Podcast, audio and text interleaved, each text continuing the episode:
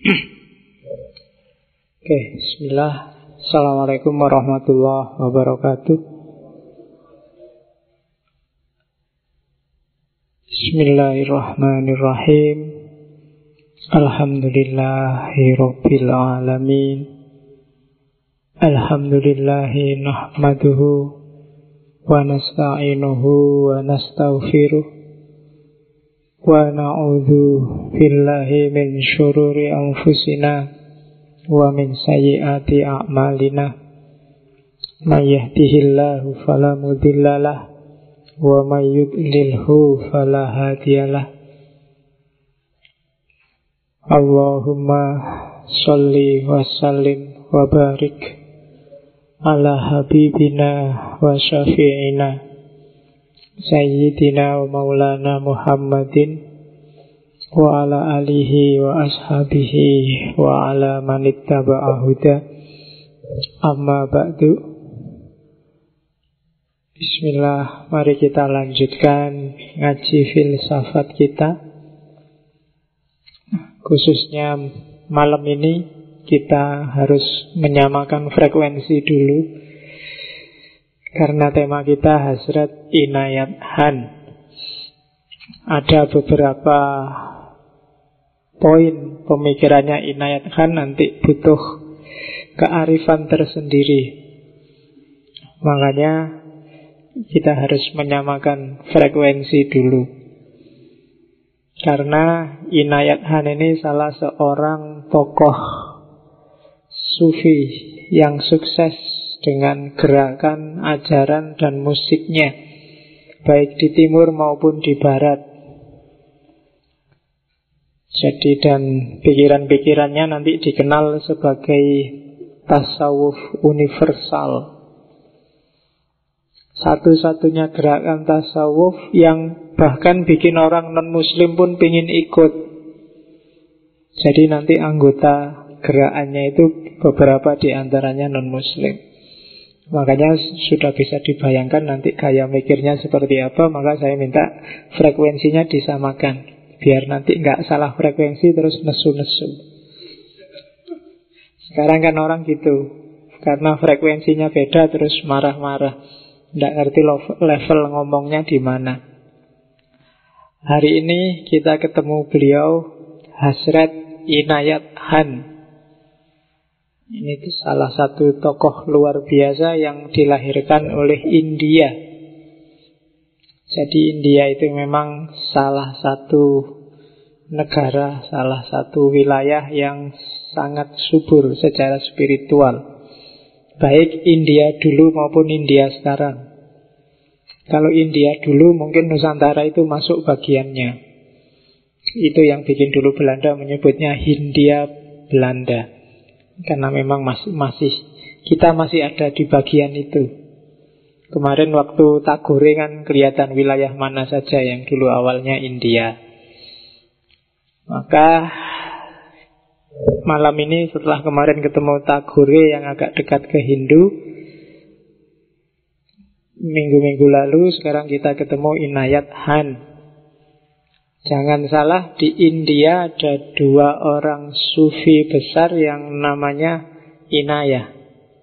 Inayat. Yang satu Inayat Khan ini, ini yang lebih muda. Jauh sebelumnya ada Syekh yang lebih tua, Syekh Inayah.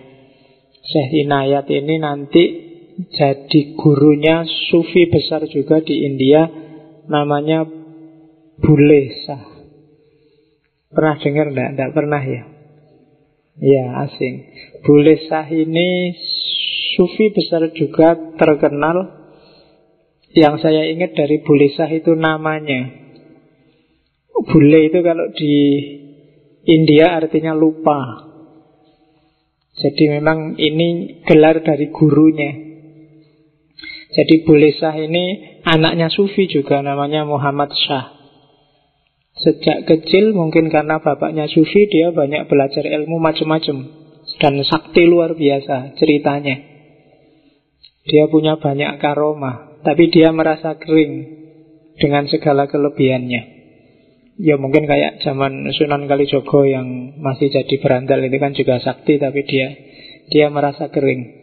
Terus dia nyari guru Ada orang menunjukkan Carilah Syekh Inayat Dia nyari Syekh Inayat Tidak ketemu-ketemu Sampai suatu ketika dia lihat ada orang tua Panen mangga. Jadi dia punya mangga di depan rumahnya Terus orang tua itu naik ngambil mangga satu Turun lagi. Ngambil lagi turun lagi. Bulesah ini yang nama aslinya Abdullah itu kasihan. Kasihannya orang tua ngambil mangga satu-satu tak bantulah dari jauh pakai ilmunya. Jadi mangga itu cuma dilihat dari jauh dan rontok semua. Iya, karena dia agak punya itu. Orang tua yang melihat mangganya rontok semua langsung nyari sumbernya, langsung lihat bulesa. Langsung dia men, apa, mendelik itu ya bahasa Indonesianya. Melotot dimarahi luar biasa si Bulisa ini. Bulisa ndak pura-pura nggak ngerti lo kok. Kenapa kok melotot ke saya? Salahku apa gitu? Kamu berani-beraninya menjatuhkan semua manggaku. Apa mau anggap dengan itu aku terima kasih? Aku justru marah. Karena dengan kamu rontokkan semua yang harusnya belum dipetik juga ikut rontok. Yang masih muda-muda juga ikut rontok. Dan Bu Lisa masih bilang, enggak, saya nggak ngerti apa-apa kok itu rontok sendiri. Kamu malah bohong lagi sekarang.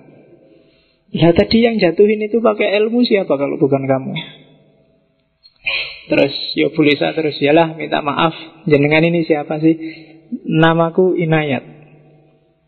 Terus dari situ terus si Bu Lisa ini tunduk di depan Syekh Inayat, cium tangannya ya sampean yang saya cari selama ini. Lu ngapain kamu cari-cari saya? Saya itu gelisah. Ngapain kamu kok gelisah? Saya sedang nyari Tuhan. Tidak ketemu-ketemu sampai sekarang. Dan ketawa terbahak saya inayat. Goblok, goblok katanya saya inayat. Ya kan? Loh emangnya Tuhan itu hilang kok kamu cari? Apa kamu lupa kalau Tuhan itu ada di mana-mana? Kalau Tuhan itu segala yang kamu lihat itu di sekelilingmu itulah Tuhan apa ya kamu lupa terus. Lupa kalau bahasa Indianya bahasa Indianya kan boleh. Dan sindiran dari Syekh Inayat ini bolak-balik bilang apa ya kamu lupa, apa kamu tidak ingat itu terus akhirnya dipakai sebagai nama. Jadilah beliau Syekh Bule Sah. Jadi Syekh yang sah yang pelupa. Itu Syekh Inayat yang satu. Malam ini kita ketemu beliau. Syekh Dasat yang satunya lagi. Hasrat Inayat Han. Hasrat itu gelar juga artinya kehadiran. Keberadaan. Jadi orang yang menyandang gelar hasrat itu berarti dia dianggap semacam kalau di Iran mungkin kayak ayatullah Dialah bukti keberadaan Tuhan. Dialah tanda-tanda kebesaran Tuhan namanya hasrat inayat khan dan tidak sembarangan ini. Tidak mungkin besok ada hasrat Fahruddin Faiz tidak ada. Orang mungkin nyampe makomnya. Hasrat inayat khan ini dikenal sufi yang pertama, yang kedua pemusik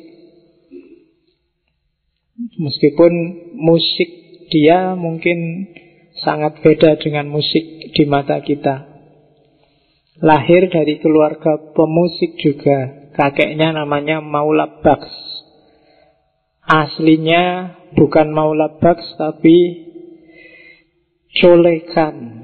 Saya tidak tahu, jangan-jangan masih marga sama Saruhkan. Namanya Jolekan dan ini dia masih keturunan mungkin ada yang pernah dengar Tipu Sultan. Raja besar dari Mysore yang terkenal perlawanannya melawan Inggris. Dulu pernah ada serialnya di televisi. Tipu Sultan. Tipu Sultan ini dahsyat luar biasa, raja yang sufi tapi memberontak melawan Inggris. Akhir hidupnya dia tewas dalam peperangan Cuma tewasnya Inggris merasa nggak sengaja membunuh Tipu Sultan. Karena Tipu Sultan itu satu-satunya raja yang jadi panglima perang dan kalau perang dia ada di paling depan. Biasanya panglima itu kan di belakang merentah-merentah, nanti kalau kalah dia yang angkat bendera putih. Ya, kalau lihat pasukannya kejepit terus dia yang angkat tangan. Tapi tipu sultan ini yang dahsyat luar biasa kalau perang selalu di paling depan dan satu ketika dia kena tembak dan tewas. Inggris tidak ngerti kalau rajanya sudah tewas. Baru besoknya ketika diumumkan tipu sultan telah tewas, baru Inggris ikut mengupacarakan pemakamannya dengan hormat. Dan di antara keturunannya nanti Jolehan. Jolehan ini ahli musik. Gelarnya Maula Brax. Gelar ini dikasih oleh Syekh Mun'inuddin Sisti dari Torekot Sistiyah. Karena sufi juga. Dan dia kesama orang barat digelari Beethoven dari timur. Karya-karyanya banyak, luar biasa. Dia yang bisa menyatukan gaya musik India Utara yang itu banyak pengaruh Persia dan Arab dengan gaya musik India Selatan yang khas musik tradisionalnya. Nanti dengan bimbingan kakeknya Inayat Khan mewarisi bakat musiknya termasuk nanti belajar sufi Inayat Han ini sama kayak beberapa tokoh kemarin umurnya ndak ndak panjang sebenarnya. Hanya 45 tahun. 44 aktif, 45 nggak nyampe. Kalau bahasanya orang Jawa 44 jalan lah. Jadi meninggal karena sakit keras. Cuma dalam jangka waktu sependek itu pengaruhnya luar biasa. Dia menyebarkan ajaran-ajaran sufinya, punya gerakan namanya Sufi Movement. Dan dakwahnya biasanya pakai musik. Cuma jangan dibayangkan dengan ustadz-ustadz zaman sekarang yang bawa band, bawa grup kosida. Karena gayanya tidak seperti itu, meskipun dia pakai musik. Nanti Inayat Han ini mulai umur 14 tahun sampai umur 1910 sampai umur 28 dia keliling India. Dijelajahi seluruh benua India untuk belajar musik dan belajar sufi. Nanti umur 28 sampai umur 44 dia keliling Eropa dan Amerika menyebarkan ajarannya. Umur 44 dia pulang ke India, sengaja dia dan tidak ada setahun sudah meninggal. Jadi semacam orang yang ngerti bahwa masaku tidak akan lama lagi ingin dikubur di kampungnya terus pamit pulang ke India sama murid-muridnya dan meninggal di India. Perjuangannya di barat diteruskan anak-anaknya. Yang paling terkenal ya Pir Wilayat Han. Nanti ada kakaknya, ada kakak sulungnya perempuan yang saya ingat namanya Nurun Nisa. Inayat Khan Dia sangat dikenal di barat bukan apa-apa. Dia jadi pahlawan di Inggris. Karena dia jadi mata-matanya Inggris Waktu melawan Jerman Nazi. Nanti Nurun Nisa Khan ini ditangkap oleh Nazi, disiksa di kamp konsentrasinya Nazi dan tewas di sana. Salah satu anaknya Inayat Han Cuma jauh setelah ayahnya meninggal. Karena Inayat Han ini kan nanti Setelah muter Amerika, Belanda Nanti tinggal lama di Perancis. Oke, itu ceritanya. Ringkas riwayat hidupnya. Detailnya silahkan dibaca di buku-buku di web. Biar kalau buka web nggak buka yang itu-itu aja Buka ya. Sekali-sekali lah nyari yang bermanfaat ya ilmu. Banyak pelajaran Kok kamu tidak bosan buka yang gitu-gitu? Oke. Okay. Bismillah, kita lihat. Love, harmony, beauty. Ini kuncinya. Keywordnya siapa saja yang ingin belajar Inayat Khan. Coba diperhatikan. Sebenarnya nggak cuma Inayat Khan. Minggu-minggu lalu kita ketemu Khalil Gibran, kita ketemu Tagore, kita ketemu Gode. Sama sebenarnya keywordnya love, harmony, and beauty. Cinta, keselarasan, keseimbangan, kewajaran, kealamian, dan beauty, keindahan. Mereka yang tidak kenal tiga hal ini Mending jangan jadi manusia Indahnya jadi manusia ada di sini Kok manusia tidak kenal cinta Itu eman-eman Ya Apalagi jomblo Rugi kamu. Ya Nanti banyak alat yang tidak berfungsi Kalau kamu jomblo. Iya kan? Agama melarang jomblo kan? Setiap muslim harus nikah. Itu kan berarti Islam anti jomblo. Oke ya meskipun jangan kesusu Siap-siap dulu. Jadi love, cinta. Ya ndak harus cinta lawan jenis Kalau katanya Inayat kan Manusia paling bahagia di dunia adalah Mereka yang bisa jadi teman siapa saja dan apa saja Kalau kamu bisa jadi teman siapa saja dan bahkan bisa jadi teman apa saja, pasti kamu bahagia. Ketidakbahagiaanmu biasanya karena kamu nggak cocok sama siapa, nggak seneng sama siapa, nggak enak dengan apa, itu berarti nggak nggak cinta sama apa. Tapi begitu kamu cinta sama siapa pun dan apa pun, begitu kamu friendly, CS sama siapa pun dan apa pun, hidupmu pasti bahagia love. Kalau kamu sudah begitu, yang terjadi pasti harmoni, nyaman, hidupmu stabil, selaras. Kalau sudah selaras, pasti beauty, pasti indah. Kamu tidak butuh apa-apa lagi, hidupmu sudah indah luar biasa. Jadi love, harmoni, beauty. Tiga hal inilah yang dibawa oleh Inayat Khan ke barat Orang barat miskin di sini. Jadi orang barat itu kan selalu rasio yang keras, kapital yang beku, sain yang kaku. Cinta tidak bisa masuk dalam skema sain barat. Apalagi harmoni. Harmoni itu terjadi kalau orang hidup sejajar dengan alam, sejajar dengan sesama. Tapi sain kan tidak. Paradigma sain itu paradigma manusia yang di atas segalanya. Asal nyampe akan diteliti, dieksplorasi, digunakan untuk kepentingan manusia. Itu paradigma sain. Dan itu diingatkan oleh tradisi timur dengan harmoninya. Masa iya sih kita harus berdiri di atas alam? Bukankah kita bagian dari alam? Nanti ada filosofi musik yang mengarah ke sini.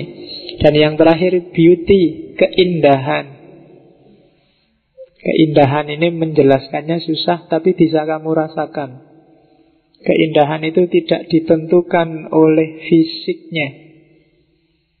Berangkat ke sini, hujan-hujan, gerimis-gerimis, terus kamu nyari tempat cepet-cepetan pingin itu Ketika dirasakan kamu pontang-panting Tapi begitu dibayangkan rasanya indah Iya ya, dulu zaman saya ngaji malam-malam Gerimis-gerimis Wah Coba nanti rasakan kalau tua Itu jadi kenangan yang indah luar biasa Meskipun ketika kamu ngalami Kamu mungkin misuh-misuh malam-malam dingin-dingin Hujan-hujan Hah gitu. Sampai sini ora keduman teh Aduh Ya kan? Tapi begitu udah di memori dia akan indah. Kalau nggak percaya, bayangkan dulu ketika kamu SMA, SMP, alia di pondok. Waktu di pondok kamu tidak kerasan luar biasa pengen dang pulang. Tapi begitu pulang, wah romantis sekali membayangkan dulu zaman hidup di pondok. Beauty tidak ditentukan oleh fisik. Kalau bagi yang punya pacar mesti ngerti kan Sumpeknya harus tiap malam minggu apel Kalau ndak apel dimarah-marahin Sumpeknya harus balas mention Sumpeknya harus Itu kan berat itu Tapi romantis Zaman dulu di kampung Jangankan itu Misalnya kamu jatuh cinta sama sesama jamaah masjid Oh iya kan kamu baru datang titik sampai depan gunung, ih sandalnya ada, baru lihat sandalnya. Iya kan? Indah loh itu, kamu baru lihat sandalnya aja kan, mesti ada di dalam. Beauty. Mungkin sandal jelek, sandal jepit yang lama yang sudah nggak anu tapi uh sandalnya ada di sini berarti orangnya ada nih. Jadi beauty indah akan jadi kenangan yang luar biasa dan hidup dengan nalar semacam ini akan indah. Love, harmony, beauty. Keywordnya sebelum masuk passwordnya ke Inayat Khan. Saya tadi ingin menyamakan frekuensi, sekarang kita masuk ke sini. Seperti kata-katanya Ali bin Abi Thalib termasuk pada orang beragama lain. Katanya Ali bin Abi Thalib, seandainya orang lain itu tidak seagama denganmu, dia sama-sama manusia kayak kamu. Jadi kalau kamu mau ngamuk, mau marah gara-gara beda agama, jangan lihat beda agamanya, lihat aja dia podo menungsone. Ada dan sangat banyak dimensi yang sama di luar urusan formalitas beragama. Oke, kita lanjutkan. Dan di antara beauty itu care dengan dirimu, care dengan lingkunganmu, termasuk cinta jasmani juga termasuk keindahan. Makanya kamu harus makan, harus minum, silahkan diminum.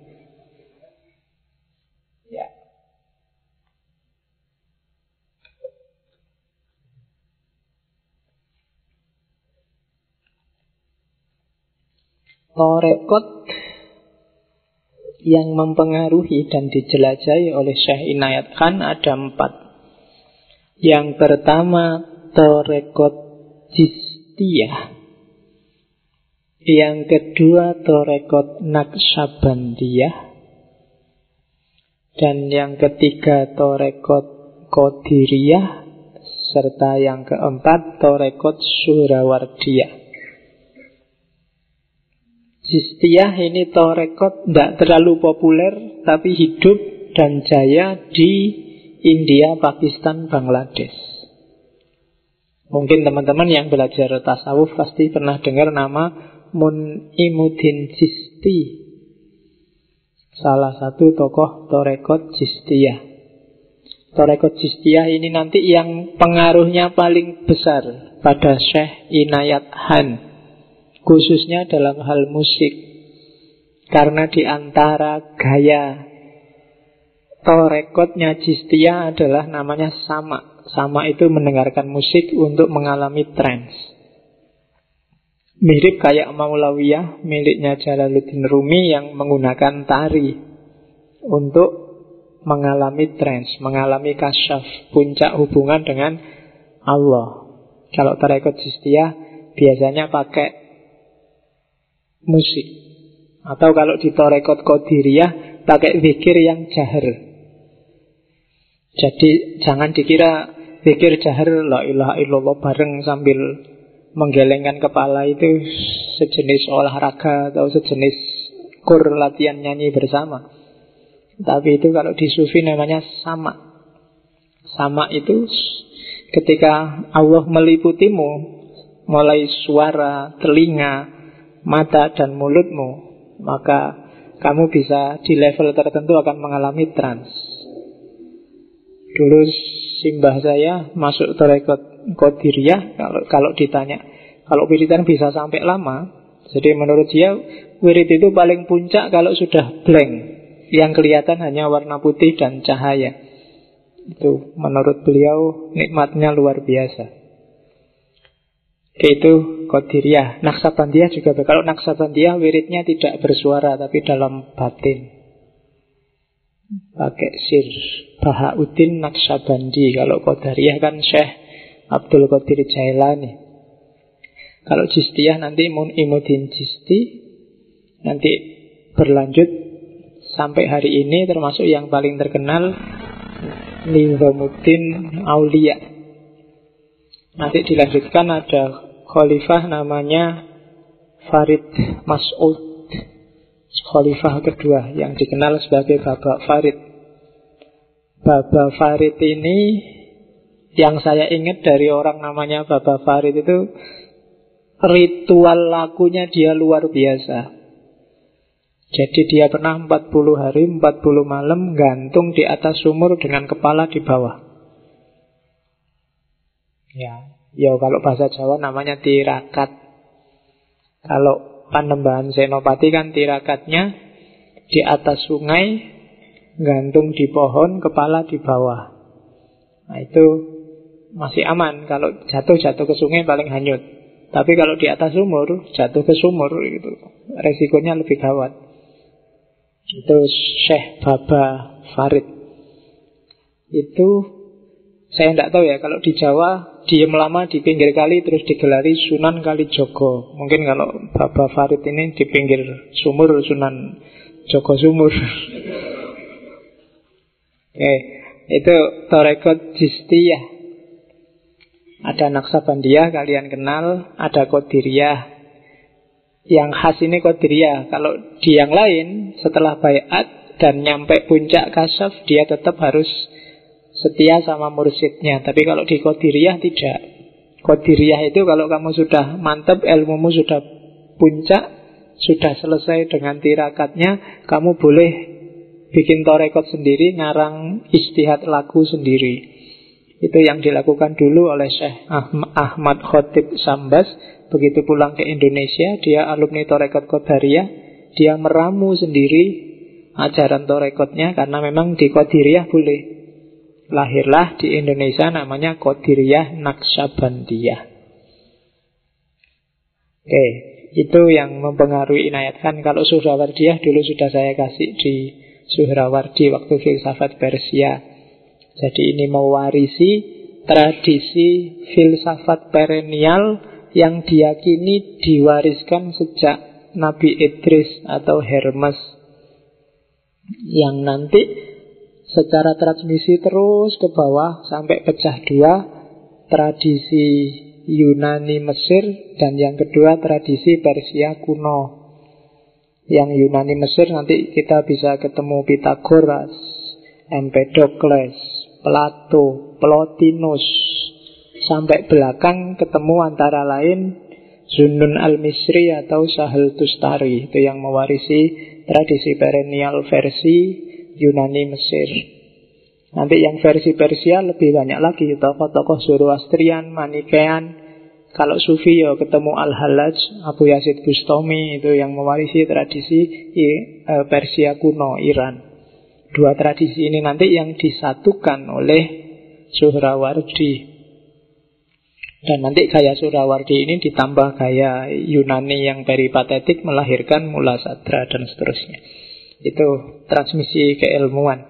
Dan itu antara lain nanti diwarisi juga oleh Syekh Inayat Han.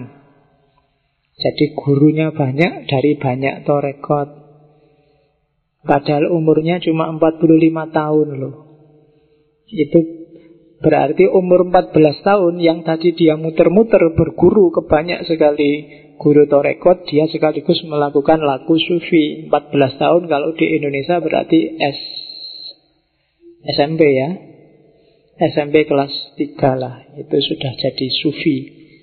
Kalian kuliah semester 14 belum apa-apa. Ya. Halo. Jadi orang besar itu bisa dilihat sekalian umur berapa sudah jadi apa. Dulu Soekarno seumurmu sudah melakukan apa? Habibie seumurmu melakukan apa? Itu kelihatan bisa jadi apa? Cuma ya tidak mesti sih Kamu berdoa aja lah siapa tahu. Ya. Oke. Jadi Empat torekot ini yang mewarnai. Yang paling besar mewarnai memang Torekot Jistiyah Oke. Ini gagasan paling besar dari Syekh Inayat Khan. Ada bukunya, judulnya Kesatuan Ideal Agama-Agama. Kalau di Indonesia yang menerjemahkan Anan Krishna. Ini mirip tradisi New Age. Pikiran inilah nanti yang menginspirasi tokoh-tokoh New Age seperti Fritz Swan dan kawan-kawan kesatuan ideal. Nanti kalau di Suwon diganti kesatuan esoteris. Agama-agama itu dalam dimensi lahirnya memang beda-beda. Tapi dimensi batinnya itu sama. Kalau di situ dianalogikan seperti air. Air itu intinya ya air. Tapi bentuknya manut wadahnya. Kalau wadahnya gelas agak besar kayak gini, ya bentuknya gelas besar. Kalau wadahnya gelas kecil kayak gitu, bentuknya gelas kecil. Itulah agama.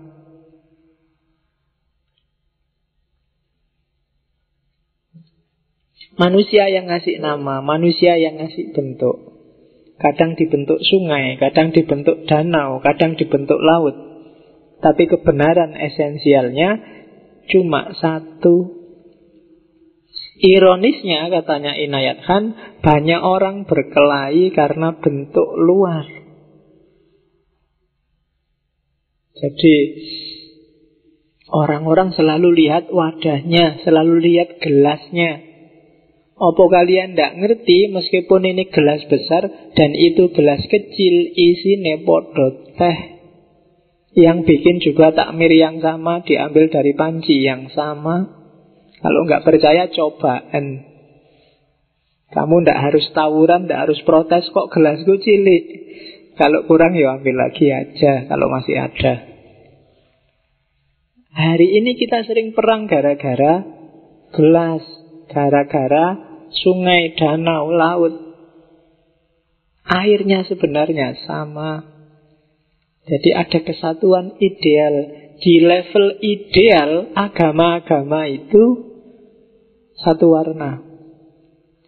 Ideal Islam dan ideal Kristen dan ideal Hindu dan ideal Buddha sama, katanya Inayat Han. Silahkan dicek. Yang beda wadahnya, namanya, di sana disebut apa, di sini disebut apa.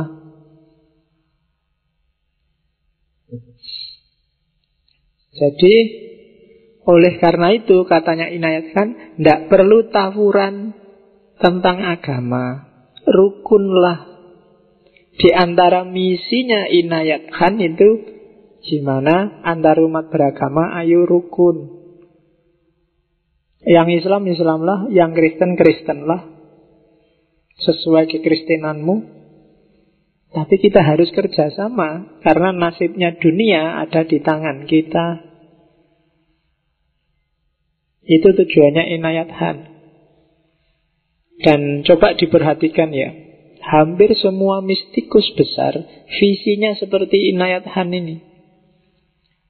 Surawardi tadi, Ibnu Arabi, ya kan?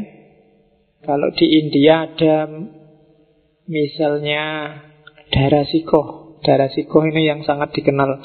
Nanti yang pikiran-pikirannya berpengaruh pada Akbar Agung.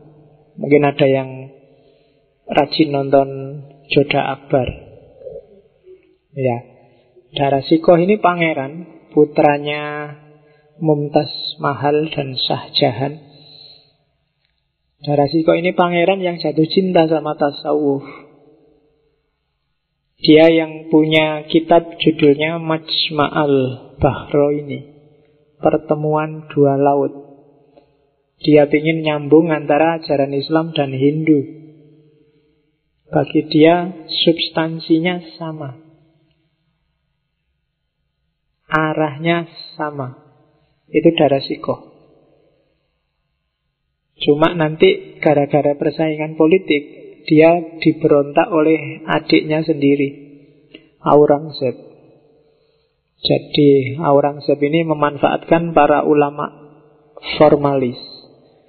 Nanti Darasikoh yang pangeran putra mahkota ini dituduh murtad, bid'ah, dan dihukum mati. Di tahun pertama ketika adiknya naik jadi raja. Darasikoh. Ada lagi darah sikoh nanti yang berpengaruh di Sufi Persia belakangan. Masih ada lagi beberapa tokoh Sufi yang hampir semuanya visinya sama. Bahwa jangan terlalu sibuk dengan bentuk. Bentuk itu tidak penting dan berubah-ubah. Coba dicek. Ajaran itu kan dulu ditafsirkan apa, sekarang apa. Wajahnya Islam zaman Nabi, zaman para sahabat, berkembang ke zaman modern, sekarang zaman kontemporer. Yo isinya itu, tapi coba dicek paradigma cara beragamanya kan agak agak ada gesernya. Secara fisik, tapi substansinya tetap kesatuan ideal agama-agama. Oke, tugasnya agama katanya Inayat Han adalah mengembangkan jiwa kesatuan dalam pengetahuan tentang Tuhan dan cinta kepadanya. Coba dibaca kalimat itu, saya potong dari bukunya.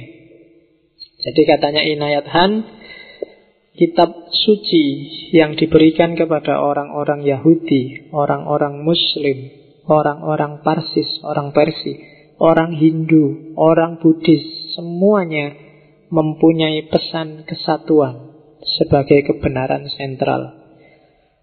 Kesatuan terjemahkanlah kalau di Islam jadi tauhid. Tetapi manusia begitu tertarik dan terpikat kepada puisi kitab-kitab suci itu. Sehingga ia lupa kepada suara batini kitab-kitab suci itu. Jadi kita sibuk pada teksnya, pada puisinya, pada bunyinya, dan melupakan maknanya. Itu yang terjadi hari ini. Tragedi-tragedi besar agama, apalagi yang internal Islam sama Islam, itu biasanya gegeran karena beda baca puisinya. Ya kan? Rebutan enak-enakan baca puisi. Siapa yang paling bagus baca puisinya dialah yang menang. Dan semuanya rebutan di situ. Jarang yang sibuk dengan maknanya. Selalu orang sibuk dengan bunyinya. Kamu lebih suka pacarmu bilang I love you meskipun batinnya entah suka apa enggak daripada diem saja padahal suka. Ya kan? Kamu selalu nunggu-nunggu kapan yo ditembak, Kapan yo nembak kan selalu itu yang bikin kamu sibuk. Kamu nunggu manifestasi fisiknya. Kamu nunggu temenmu ngutangi kamu baru kamu yakin dia sahabat sejati. yang tidak mau ngutangi belum, pokoknya harus harus bantu dulu, ngutangi dulu, ngasih contekan dulu baru sahabat sejati. Kalau tidak ya belum. Kamu nunggu manifestasi fisik. Tidak sibuk dengan makna batin. Kalau ada orang nggak nyapa kamu, kamu anggap cuek, tidak peduli. Yang tiap hari basa-basi sama kamu, kamu anggap peduli. Yang begitu kamu posting like, like, like, semua like, ya, yang like itu kamu anggap peduli. Padahal kadang-kadang like itu ya otomatis saja kan. Ya, setiap ada posting auto like. Dan kamu terima kasih sudah di like Katanya siapa itu? Auto like kok Aku ndak nge-like. Nah kan yang kayak gitu Itu karena kamu sibuk dengan fisiknya. Orang kamu sebut soleh Kalau kelihatan akan cepat-cepat ke masjid Pakai sarung, pakai kopiah Pakai sorban. Kalau tidak percaya coba ya. Kalau kamu ke masjid besok Pakailah itu. Atau pakai jubah putih yang agak besar Kamu pakailah sorban Bawa sajadah Terus bawa tasbih yang agak besar. Masuk masjid jangan awal agak-agak belakangan terus pakai minyak wangi yang agak banyak. Tak jamin orang-orang rebutan salaman mesti. Ya kan? Kita lebih terpesona oleh fisik. Itu yang digelisahkan oleh Inayat Khan kitab suci juga begitu. Kita lebih sibuk membahas puisinya. Maknanya kering maka jangan sampai terjadi ada MTG digalakkan di mana-mana tapi maknanya nggak dipahami. Itu sama dengan kamu melaksanakan lomba baca puisi. Itu kan enak-enakan baca puisi tapi puisi isinya apa. Ya, Yang penting pandang panjang pendeknya pas, tajwidnya pas kan itu yang diincar. Tidak apa-apa sih, nggak salah yang kayak gitu, tapi itu baru setengah jalan harus masuk ke balik itu. Dia kan hudan, tib Tibian, Furkon. Tidak akan dia jadi hutan dan furkon kalau hanya cuma dibaca puisinya. Dan kalau sudah masuk ke dunia batinnya teks, dunia batinnya kitab suci, kalian akan ketemu banyak sekali tradisi agama-agama lain yang senada dengan kitab sucimu. Jadi jangan cuma mementingkan bajunya. Oke, terus dari situlah nanti Inayat Han merancang namanya universal sufisme. Sufi tasawuf yang universal untuk siapa pun. Monggo silahkan masuk. Tertarik dulu sama tasawufnya, tidak apa-apa. Tadi di depan saya ceritakan, beberapa bahkan banyak anggota gerakan universal sufismenya Hazrat Inayat Khan itu non-muslim malahan. Dia jatuh cinta dengan pikiran-pikirannya Inayat Khan. Tidak masalah. Lama-lama akan dapat hidayah. Masuk aja dulu. Jadi universal sufisme itu nanti yang kalau di Ibnu Arabi disebut agama cinta. Jadi bukan sekedar agama label, bukan sekedar agama KTP, agama fisik, agama pengakuan, tapi agama cinta, tidak formalitas, tapi dalam. Ini menjelaskannya agak susah, tapi rasakan saja bahwa secara spiritual kamu dan manusia yang lain itu hakikatnya sama. Ketika Allah bilang wa fihi min ruhi itu kan tidak untuk rohnya orang Islam aja kan? Rohnya semua manusia juga min ruhi dari ruhku katanya Allah. Maka hargailah semuanya karena mereka semuanya adalah manifestasinya Allah di muka bumi. Dalam diri orang yang mungkin tiap hari kamu caci maki, kamu marah-marahi, kamu diskreditkan itu ada ruhi. Kalau kamu mencela orang, itu yang bikin mungkin juga ikut tersinggung loh. Kalau kamu punya karya, ada orang ngomong jelek pada karyamu, karyamu mungkin nggak apa-apa, tapi kan yang tersinggung yang bikin kamu. Ya kan? Jangan sampai Allah tersinggung padamu gara-gara kamu mencela yang seharusnya tidak kamu celah. Itu yang sering hari ini terjadi, hati-hati. saya tidak tahu ya, sekarang banyak orang marah, banyak orang nyindir, banyak orang sinis, banyak orang suuzon, banyak kebencian di mana-mana. Ada yang saking bencinya, mikirnya jadi nggak rasional. Coba dicek di TV-TV, di berita-berita web.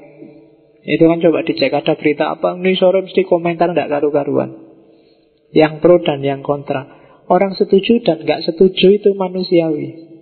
Tapi ketika nggak setuju terus kamu mencaci maki, itu sebenarnya tidak manusiawi. Berarti kamu nggak setuju dengan perbedaan. Itu yang saya sebut nggak manusiawi. Berarti kamu nggak setuju ada orang yang tidak sama dengan kamu. Idenya, pikirannya, gayanya, kehidupannya. Berarti kamu mengklaim hidupmu lah yang paling bagus, pikiranmu lah yang paling benar. Ketika rasa semacam ini ada, maka kamu sedang sombong. Penyakit yang paling dibenci oleh Allah. Paling diwanti-wanti oleh Nabi. Barang siapa di hatinya ada sekecil apa pun kesombongan, baunya surga aja nggak nyampe. Itu kan Nabi kan bilangnya gitu. Mambune dok nggak nyampe berarti jauh banget kamu dari surga. Nggak tahu kesasar di mana. Jadi hati-hati menata hati dan itulah yang diperjuangkan oleh Syekh Inayat Han dan kawan-kawan. Yang Islam Islam lah, yang Kristen Kristen lah, yang Hindu Hindu lah, tapi rukun kerjasama mewujudkan ideal masing-masing. Kalau semua agama mewujudkan idealnya masing-masing, percayalah tidak akan tabrakan. Makanya kalau di Islam kan istilahnya fastabiul khairat, berlomba-lomba. Lomba itu kan nggak tabrakan, ada jalurnya. Kecuali Rosi kemarin agak nendang dikit. Coba pakai jalurnya sendiri kan nggak ada salah dewi tak lihat terus nendang ya jadi masalah. Coba Rosi kemarin sesuai jalurnya aja sesuai hitohnya bablas itu mungkin yo iso lah tanding. Tapi salah dewi. Kamu juga gitu jangan sampai blunder. Ya kan? Nggak, jangan capek lihat wadahnya yang lain deh. Kamu nggak usah sirik lihat gelasku besar terus-terusan. Ya kan? Tidak apa-apa gelasmu kecil, nikmati aja. Nikmatnya kamu, tehmu yang gelas kecil itu akan turun separuh kalau kamu sirik dengan gelasku yang besar. Coba aja kalau nggak percaya. Karena kamu minum itu sambil ngelirik gelasku, uh, gelasnya gede. Ya kan, maka jangan sibuk dengan yang dimiliki orang lain. Yang lain pacarnya cakep, pacarmu biasa-biasa aja, nggak apa-apa. Dilihat dari jauh sama cakepnya. Iya, apalagi dari belakang sepodo. Oke, universal sufisme. Terus ini lagi yang dianggap kontroversial oleh orang-orang. Ibadah universal. Yang diterjemahkan oleh orang-orang Kristen jadi gerakan namanya gospel for all. Gereja untuk semua. Oh, itu orang Islam bisa gondok itu jadi dalam organisasinya, dalam gerakan yang diinisiasi oleh Inayat Han, itu kan banyak agama lain. Dan semua agama difasilitasi. Silahkan beribadah sesuai keyakinannya masing-masing. Sini yang Islam, ya monggo silahkan. Di situ tempatnya yang Islam, di sebelahnya tempatnya yang Kristen, di sebelahnya tempatnya yang Hindu dan seterusnya. Jadi ini diawali oleh Inayat Han di Perancis. Yang Kristen, yang Muslim, yang Yahudi, yang Zoroaster, yang Buddha dan seterusnya. Oke, yang jaketnya di luar diambil aja. Daripada nanti masuk angin. Yang helmnya balik dilihat aja. Daripada ilmu jadi ceduk nanti. Ya kasihan kamu pulang masuk angin. Oke jadi ya yang alami-alami aja. Jangan mengharapkan mujizat. Karena ini ngaji maka aman mesti ndak. Mikirnya yang alami-alami aja. Sangat mungkin kamu masuk angin sangat mungkin kamu greges nanti sampai rumah jadi ya amankan semuanya Oke, jadi Sufisme universal Pray for all Ibadah universal. Itu misinya Inayat Han. Jadi bisa nggak Sekarang di sini orang Kristen Yang beribadah Orang Kristennya selesai Yang Islam datang bawa sajadah Sholat di situ Terus yang Hindu bawa patungnya titik Sebentar saya belum ibadah. Oh itu Beratnya luar biasa Tapi dicoba oleh Inayat Han. Ya mungkin malaikatnya ganti-ganti. Islam datang terus kali. Oh ganti sudah malaikatnya yang satu Yang Kristen datang Terus malaikatnya yang Hindu datang Mungkin gitu. Tapi tidak masalah tuh kayak gitu. Jadi Salah satu cara yang dilakukan oleh Inayat Han Untuk membangun harmoni Hidup yang selaras karena diakui atau tidak, mau atau tidak kan kita bareng di dunia ini sama mereka. Allah mengizinkan kita hidup juga mengizinkan mereka hidup. Kalau Allah nggak mengizinkan, tidak ada orang yang beda sama kita. Berarti Allah mengizinkan mereka ada. Tanggung jawab kita sebagai khalifah, ayo diapain sekarang? Ada yang beda loh. Oh, itu butuh kecerdasan universal, butuh kecerdasan, toleransi, pemahaman dan seterusnya. Dan itu dicoba disebarkan oleh Inayat Han. Ini tahun-tahun awal abad 19, 1910. Inayat Han itu meninggalnya 1926. Ya. Jadi dicoba hatinya dibuka seluas-luasnya formalisme beragamanya dilampaui. Kalau kalian bisa ini, hidupmu lebih nyaman. Kalau enggak, kamu akan gelisah sendiri. Banyak hal yang Apalagi sekarang matanya orang kan selalu Melihat segalanya dengan curiga Hmm, ngaji filsafat Apa maneh kuwi sesat ya kan gitu kan Wah ngaji kejawen Kejawen itu tidak Islam mau ngaji di masjid. Wah tasawuf apalagi itu. Penglihatannya curiga dan suuzon Hari ini. Jangankan ngerti isinya Baru dengar judulnya marah kan banyak sekarang. Ya kan? Sekarang kalau ada ngomong dikit-dikit si A itu wah, Rame. Kemarin ada yang tanya ke saya Pak Universitas si A Kuala itu isinya si A semua ya Pak Kan ada itu kan Universitas Syah Kuala Ada emojone si A Kuala Syiah ya Pak? Wah enggak tahu saya, saya nggak pernah ke sana tak mau ikut. Ada Universitas Syiah Kuala. Jadi sensitif sekarang apa-apa. Mungkin kayak gini saya buka gelas ini pakai tangan kiri aja, oh, itu bisa besok muncul di Facebook itu. Wow, statnya ternyata ngam minumnya pakai tangan kiri. Padahal menurut Islam dalilnya nanti keluar mesti. Harus pakai tangan kanan. Oke. Terus, nah, ini nasihatnya Inayat Khan. Jadikan Tuhan satu realitas. Ini kalimatnya pendek tapi dalam. Selama ini Tuhan hanya ada di kepala. Saya yakin Pak ada Allah. Tapi keyakinanmu tidak mengimbas dalam kehidupanmu. Tuhan hanya jadi konsep.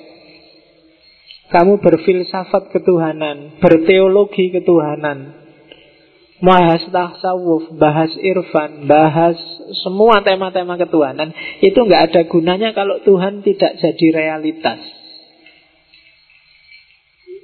Hidupkan Tuhan dalam hidupmu. Jangan cuma di kepalamu. Segala aktivitasmu harus menunjukkan bahwa Tuhan itu ada. Itu namanya menghidupkan Tuhan. Katanya Inayat selanjutnya, kita membangun istana raja. Di mana raja harus tinggal. Maksudnya apa? Kondisikan fisikmu, mentalmu, lingkunganmu agar layak Tuhan ada di situ. Jadi ini bukan tubuhku, ini adalah kuil Tuhan. Ini bukan hatiku, ini adalah altar Tuhan. Jadikan bukan hanya rumahmu sebagai masjid, tapi jadikan dirimu sebagai masjid. Jadikan dirimu tempat yang layak untuk Tuhan singgah. Ini agak berat. Tapi harusnya memang begitu. Kalau kamu ingin Tuhan hadir dalam hidupmu, kamu ingin menghidupkan Tuhan, bikin tubuhmu, mentalmu, bahkan lingkunganmu layak didatangi oleh Tuhan.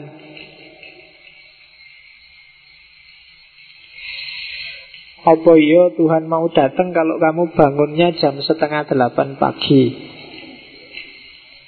Apa iya Tuhan mau datang kalau sehari-hari kerjaanmu nongkrong, gitaran, ngerokok, apalagi? Ya kan? Apa ya kamu merasa pantas Tuhan datang dalam kondisi fisik dan mentalmu yang seperti itu? Makanya katanya ini akan Ayo dong bangun istana seindah mungkin bagi raja Karena dia raja segala raja kalau kamu beriman Allah itu ada, Tuhan itu ada Wujudkan Allah. Biar Allah wujud Bangun fisik dan mentalmu Agar layak Allah itu wujud. Selama ini kita sudah terlalu capek diskusi. Mana benar, mana salah, mana yang baik Pikiran A apa pikiran B apa pikiran C. Bagi inayat kan tidak penting, semuanya baik. Hidupkan itu. NU baik, Muhammadiyah baik. Apalagi di Indonesia. Ya. Semuanya baik. Sudah yakin baik, hidupkan itu. Jalani sebaik mungkin. Tidak usah capek-capek diskusi. Kesuwen diskusi nih. Allah tidak wujud-wujud nanti. Wujudkan aja Allah dalam hidupmu. Ah, yes, ini jatahnya kamu introspeksi. Coba muhasabah, kira-kira level Allah itu bisa nggak hidup dalam lingkungan mentalmu, lingkungan fisikmu, lingkungan sekelilingmu. Kalau enggak ya sekarang mulai diperbaiki. Gimana caranya agar kamu layak ditamui oleh Allah, agar Allah pantas untuk datang padamu. Jadi karena engkau adalah kuilnya Tuhan, kamu itu masjid. Masjid itu kan rumahnya Tuhan. Kenapa rumahnya Tuhan? Lu tadi Allah sudah bilang wanafakhu fihi min ruhi. Allah bersemayam dalam dirimu. Berarti dirimu adalah rumahnya Allah. Rumahnya Allah itu kan masjid. Engkau adalah masjid. Kalau masjid, kamu harus ngerti kayak di masjid-masjid itu loh. Ada kapur putih ditulis red batas suci. Ah, kamu juga harus punya batas suci itu di mana? Kamu sendiri yang ngerti. Hati-hati, jangan sampai ada najis masuk. Kalau ada najis di dalam, apa ya Allah kerasan? Kan gitu. Jadi koleksi pikiran, koleksi ide, koleksi gagasan, tingkah laku fisik harus layak untuk Allah datang. Pikiran yang ngeres-ngeres, yang jelek-jelek, cepet-cepet disingkirkan. Nanti kalau Allah ngerti malu kan.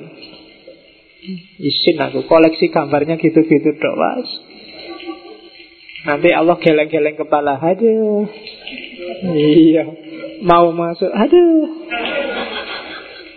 Iya kan Jadi Allah sudah nunggu-nunggu kamu bikin layak nggak layak-layak. Sholatnya juga aduh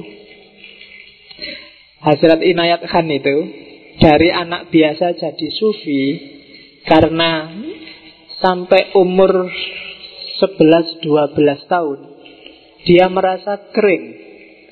Tanya ke kakeknya mau lepas? Kakek Saya itu sholat Puasa Tahajud Ngaji Tapi kok ndak ada rasanya yo kakek Salah kuning di Kakeknya baca Ayat yang artinya dan Allah akan menunjukkan sanurihim ayatuna itu. Sanurihim ayatuna fi fil afaki wa fi amusikum. Jadi akan kita tunjukkan ayat-ayat kami di alam semesta dan juga dalam dirimu. Jadi itu kakeknya ingin jawab, kalau ingin ngerti, baca ayat-ayat di sekelilingmu termasuk pahami dirimu sendiri. Dari situ terus Imayat akan tercerahkan. Ah iya ya, selama ini aku tidak pernah baca Disuruh sholat, ya sholat aja. Disuruh puasa, ya puasa aja. Disuruh tahajud, ya tahajud aja. Padahal sholat, puasa, tahajud itu selama ini di pikiran termasuk kita kan rasanya kayak dagang. Kayak Allah nyuruh apa, kalau sudah tak laksanakan berarti aku berhak minta apa. Aku sudah sholat nih, aku sudah tahajud nih, besok skripsiku dibikin lancar. Ya kan? Bahwa aku cepat dikasih pacar. Bahwa aku kan selalu begitu kita transaksi sama Allah. Jadi ya kan? Mungkin Allah juga Allah kalau cuma minta itu simple. Tidak penting itunya kalau bagi Allah. Lo kamu kenal benar nggak? Kadang-kadang kamu berdoa minta aja kan juga formalitas. Doanya juga apalan. Ya kan biasanya dungo ngono yang dungo. Ya kan minta kan mintanya apalan ya yang diminta mungkin ya males. Hatimu ndak hadir bahkan waktu minta. Nah, maka Jadikan Tuhan satu realitas. Ya kalau inayat Khan dari kasusnya inayat Khan tadi berarti bacalah, pahami dirimu, pahami lingkunganmu, pilih alternatif terbaik yang kamu tahu. Pasti Allah akan hadir. Antara bangun subuh, bangun jam 3 tahajud, atau bangun kesiangan, yang bagus yang mana ya? Pilih sendiri. Antara jadi anak rajin, jadi anak cuek, apa jadi anak males? Pilih sendiri. Cari yang sekiranya Allah terharu dan datang dalam hidupmu. Terharu. Terayu dan datang dalam hidupmu.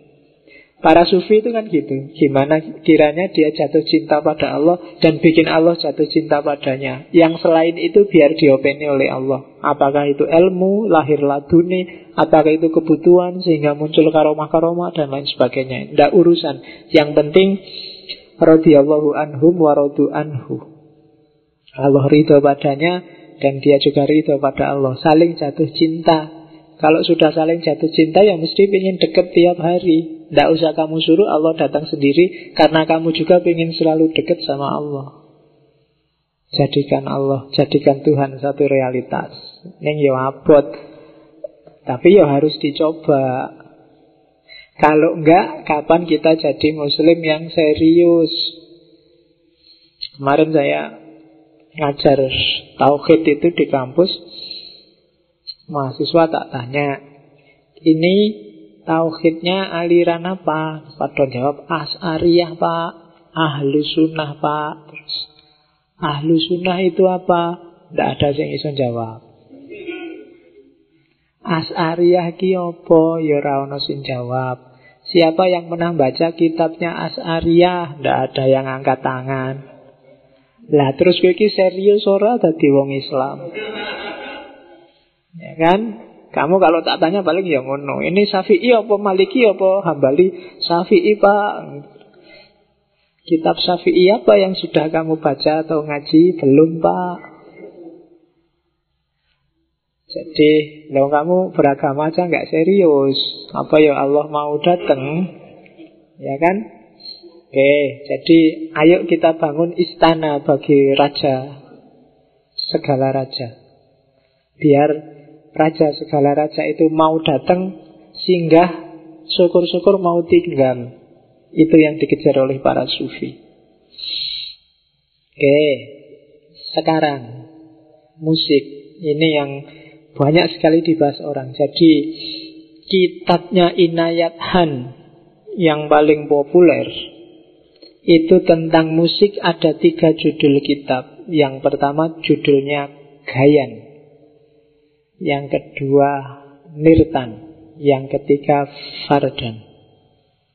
Kemudian ada juga 14 jilid ceramahnya yang dibukukan oleh muridnya. Message of Sufism. Buku-buku ini bahasa Inggrisnya bisa kamu download gratis.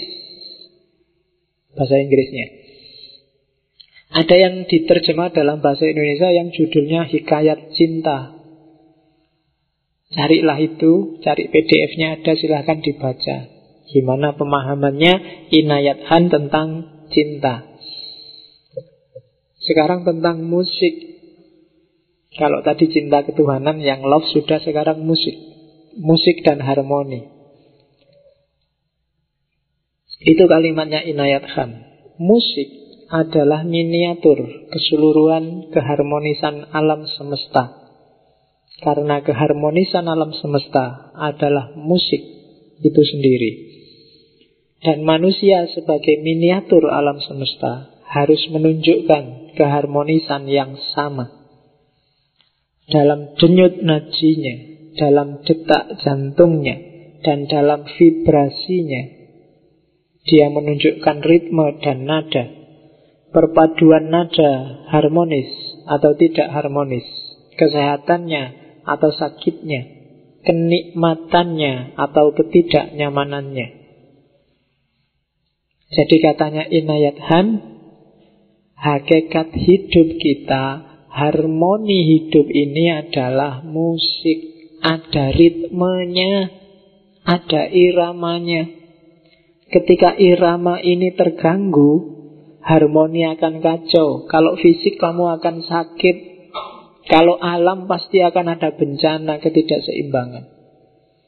Nafasmu aja ritmis. Kalau nggak percaya kamu cek silahkan. Begitu nafasmu nggak ritmis Alamat kamu sakit. Paling nggak capek menggeh-menggeh. Itu kan nggak ritmis. Detak jantung juga ada iramanya. Kalau nggak percaya kamu periksa ke lab EKG Begitu kok iramanya kacau Hati-hati kamu Ada masalah dengan jantungmu nadimu, tekanan darahmu itu kalau dokter mesti ngerti satu menit berapa, jangan terlalu lambat, jangan terlalu cepat, ada ritmenya. Ya kan? Alam semesta juga begitu. Ada iramanya, jagalah harmoni itu. Itu yang sering dilupakan orang. Ketika kamu sakit, kayak saya kemarin sakit, pasti ada harmoni yang saya kacaukan sendiri. Mungkin lewat makanan Mungkin batas kekuatannya tak lampaui Mungkin ada iramanya Maka hidup itu ada bangunnya, ada tidurnya Jangan tidur terus Tidur terus juga rusak dirimu nanti Iramanya kacau Kayak Mbak Surip itu loh Itu baru nyanyi Bangun lagi, tidur lagi Sekarang tidur terus Ya, karena hidupnya memang nggak teratur beliau. Ritmenya kacau.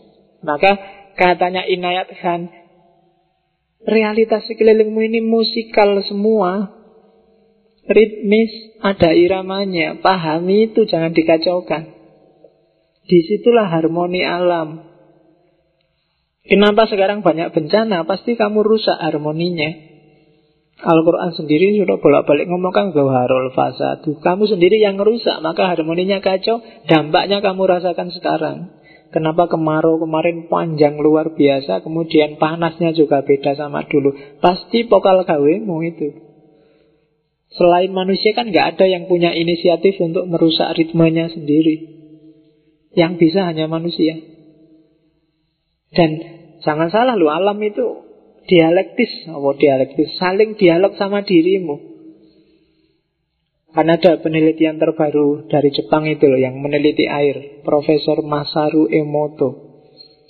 Dia meneliti air yang dibacakan doa, dinyanyikan kitab suci, ada air yang didengerin lagu rock, di sini didengerin musik klasik. Nanti kristalnya berubah-ubah dan beda-beda.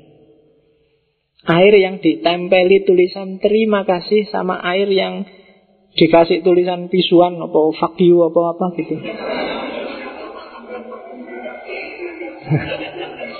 Iyalah. Ya kan tidak apa-apa misu bahasa Inggris. Nanti kalau bahasa Jawa Timur kacau nih. Ternyata kristalnya beda loh. Itu cuma ditempeli tulisan apalagi dibacain jadi makanya orang Islam itu kan sebelum minum bacalah Bismillah Kiai-kiai kalau ada orang sakit apa saja dibacain Fatihah, diminumkan. Karena memang ada dialektika. Ada hubungan itu baru air belum mungkin udara juga begitu. Apalagi kalau masuk ke energi medan energi. Makanya orang dulu nyuruh hati-hati nyari kawan. Berpengaruh medan energi. Jadi hati-hati ritme hidupmu, atur, ada harmoni yang harus kamu perhatikan. Jangan ngarang. Jadi ya sok-sok dengerin musik saya tidak tahu selera sekarang musik apa. Inayat Khan ini gelisah luar biasa setelah dia kembali dari barat balik ke India, dia mampir di Bombay di India. Ternyata musik sakral, musik indah versi dia sekarang rusak tidak karu-karuan. Jadi iya, kayak di film-film India itu jadi pop. Kalau jadi pop, pop itu kan istilah pop itu karena kayak gelembung itu loh. Pop benar terus pecah. Pop itu kan nggak ada yang tahan lama. Sebentar. Nggak sakral.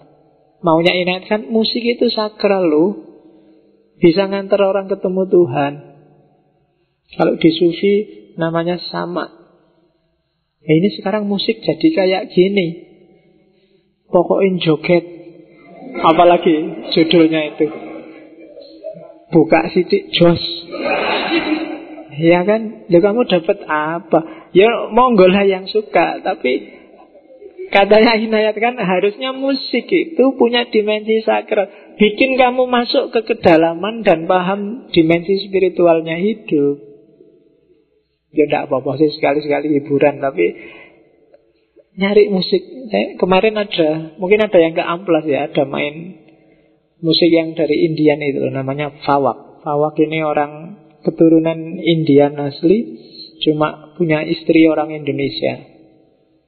Saya lupa namanya Lobo apa siapa, istrinya namanya Puri. Tinggalnya di Malang. Sehari-harinya bikin pertunjukan di Jatim Park 2. Sekali-sekali coba cari ya, googling. Namanya Pawak. Kemarin tampil di Amplas itu. Musiknya khas Indian.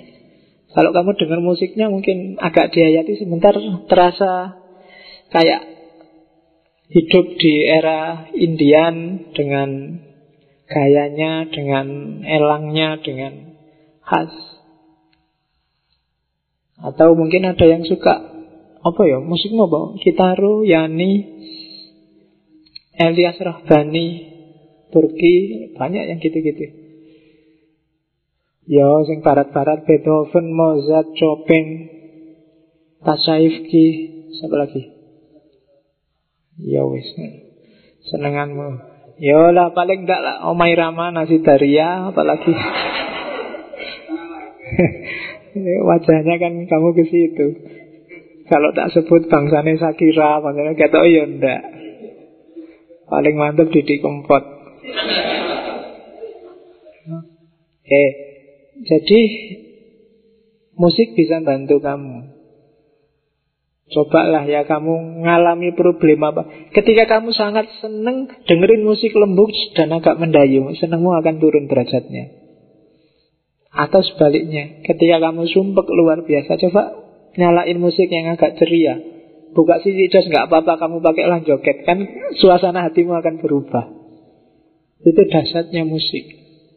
Jadi maka gurunya Inayat Khan saya agak lupa namanya. Syekh Abu Hasim siapa gitu. Ketika Inayat Khan selesai berguru Dia bilang Inayat Khan Kamu berbakat musik. Maka sekarang Berdakwahlah kamu. Sebarkan ajaran tasawufku ini Tidak usah ceramah. Tidak usah kamu dakwahi orang-orang dengan ayat, dengan hadis. Dakwahlah dengan musik Dan benar Ketika Inayat Khan dakwah pakai musik banyak orang barat jatuh cinta. Terpesona oleh musiknya Inayat Khan Nanti beberapa lagunya Mungkin kamu cari di Youtube ya. Mungkin bisa lah pakai keyword Inayat Khan musik. Nanti banyak beberapa yang Aransemennya diambil oleh Barat Dengan beberapa modifikasi Pakai orkestra. Dan memang indah Dan itu yang bikin orang lebih terpesona Karena musik itu Ngomongnya dari jiwa ke jiwa Beda kalau kata-kata. Kalau kata-kata itu bikin orang keluar dari dirinya. Apa ya maksudnya? Terus keluar. Tapi kalau musik, orang biasanya meresapinya ke dalam. Uh, terbayang waktu. Teringat apa itu kan di dalam semua. Tapi kalau kata-kata, kamu akan lari keluar. Maka untuk bikin orang kembali ke dalam, pakai musik. Inayat Khan pernah bilang, Kata-kata bagus, kalau kata-kata sudah tidak berdaya, orang akan pakai puisi. Tapi kadang-kadang puisi juga tidak berdaya. Maka satu-satunya jalan paling puncak adalah musik. Jadi kalau musik itu apalagi yang tidak ada sairnya, itu setiap kali dibunyikan dia jadi milik yang mendengarkan. Musiknya kitaro misalnya, apa wis? Sukaanmu kitaro apa? Itu kan setiap kepala, setiap pendengar mengasosiasikan dengan hidupnya sendiri-sendiri, hidupnya masing-masing. Beda dengan kalau ada sairnya. Kalau ada sairnya ya kamu manut sairnya. Ya kan? Oke. Terus katanya Inayat Han alam semesta dengan segala keteraturan dan ketidakteraturannya adalah musik. Taman adalah musik, arsitektur adalah musik, pertanian adalah musik, lukisan adalah musik, puisi adalah musik, pemikiran adalah musik. Ketika pikiranmu kacau, tidak karu-karuan, itu alamat musiknya rusak. Meloncat-loncat, tidak ritmis. Hasilnya juga kacau. Apalagi puisi. Lukisan juga begitu. Kalau komposisinya tidak bagus, tidak seimbang, ritmenya kacau, dia juga lukisan yang jelek. Pertanian juga begitu. Lihat orang tandur itu nanam padi itu kan. Ritmis kan ada iramanya, urutannya. Kalau enggak, enggak karu-karuan orang nanti mungkin merencoh-merencoh, jelek. Tapi ada iramanya. Apalagi arsitektur. Bikin masjid ini, kalau tukangnya enggak ngerti irama bangun, itu enggak akan tahan lama. Jelek mesti pating pelayut. Taman adalah musik, apalagi taman. Musik menyatukan manusia tanpa sekat, tanpa kasta. Emangnya yang bisa dengerin Beethoven itu hanya kamu. Orang kampung tidak bisa, bisa aja. Tidak ada jangan heran kalau ada orang desa luar biasa. Kamu suka dangdut, ah, wanda pak, selera saya cuma Mozart.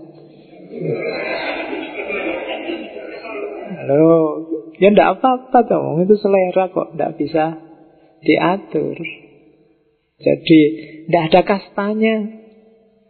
Ya beda lah kalau nggak punya uang nggak bisa beli CD-nya, nggak bisa punya internet, nggak bisa download. Tapi suka nggak suka kan urusan masing-masing orang.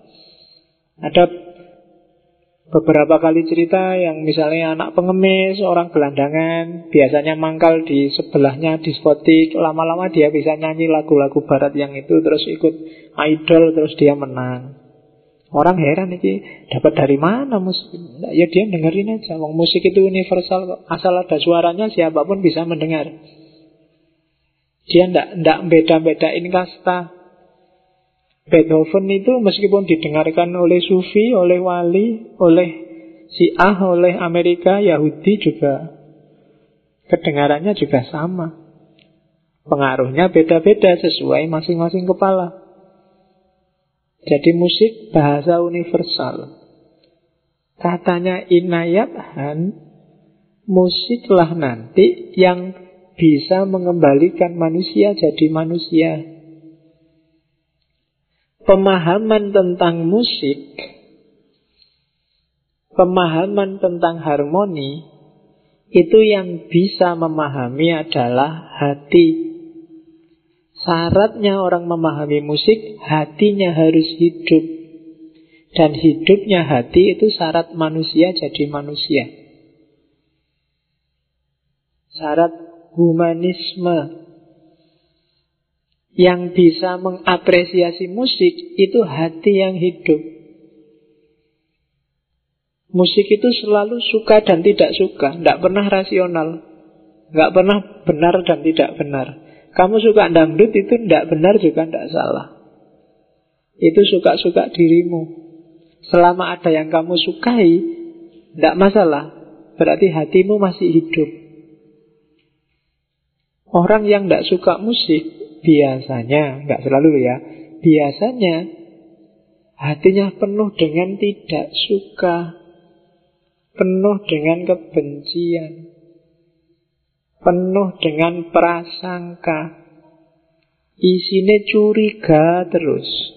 Orang yang curiga terus, itu kan hatinya nutup. Dia sibuk keluar. Tidak pernah membaca ke dalam. Duduk persoalannya di situ. Kadang-kadang yang dia kritik di luar itu sebenarnya tiap hari dia lakukan sendiri. Tapi dia nggak sadar karena batinnya nutup. Jadi ini kalau itu sirkulernya. Jadi dengan musik orang bisa memahami harmoni. Untuk memahami harmoni, hatinya harus buka, hatinya harus lembut. Ketika hati sudah lembut, hidupnya akan harmonis dengan sekeliling. Jadi dari harmoni ke harmoni. Maka sukalah musik. Meskipun kamu tidak punya mobil, nggak bisa dengerin musik di mobil, naik motor juga boleh pakai musik. Motorku itu full musik loh, ke mana-mana pakai headset. Tidak masalah, karena di jalan itu kan kadang-kadang keras luar biasa. Panas-panas kamu diselipi bolak-balik kurang ajar. Tapi kan kalau ada musik santai, nyalip-nyalip aja, santai. Lagunya belum habis. Nah, jadi jadi seperti air yang bisa mempengaruhi hidup kita, musik juga bisa berpengaruh ke dalam. Itu teorinya Hasrat Inayat Han. Dalam agama, katanya Inayat Han, musik punya fungsi tawajud dan tajarrud. Ini sebagian dulu pernah saya jelaskan ketika ngomong tentang estetika. Mungkin bisa dua tahun yang lalu saya ngomong estetika agama. Saya tidak tahu seri keberapa. Jadi fungsinya musik itu menemukan kesejatian, menemukan kedamaian, menemukan diri sendiri. Itu namanya tawajud. Dengan musik kamu sadar tentang dirimu. Ya Allah, teringat masa lalu zaman aku. Itu kan kamu kamu care, kamu sadar tentang dirimu. Tawajud itu menemukan wujud Dan ketika orang sadar tentang dirinya Dia ketemu sama Allah Man arofa nafsahu Fakot arofa robbahu Dan musik bisa membantu Kadang-kadang dengar musik kamu bisa nangis sendiri Kamu bisa terpesona sendiri Kamu bisa berromantika sendiri Menemukan sesuatu yang hilang dalam dirimu Itu tawajud Musik juga bisa bikin kita tajarut. Tajarut itu membebaskan jiwa dari segala keterikatan. Ketika kamu asik mendengarkan musik, semua keterikatan duniawi jadi tidak penting. Ketika kamu sedih luar biasa, patah hati, seperti apa pun, begitu dengar musik, kesedihan itu jadi indah. Dengar musik kamu ikut nangis. Kan indah. Meskipun baru diputus Tidak apa-apa. Indahnya kan di situ. Romeo and Juliet itu kalau jadi kawin nggak indah. Indahnya karena dia nggak jadi kawin Ya kan? Kalau jadi kawin ya sudah. Sumpah dia mikir anak Mikir sekolah Mikir itu Ya kan? Sumpah dia mikir cari kerja. Karena nggak jadi itulah dia jadi indah.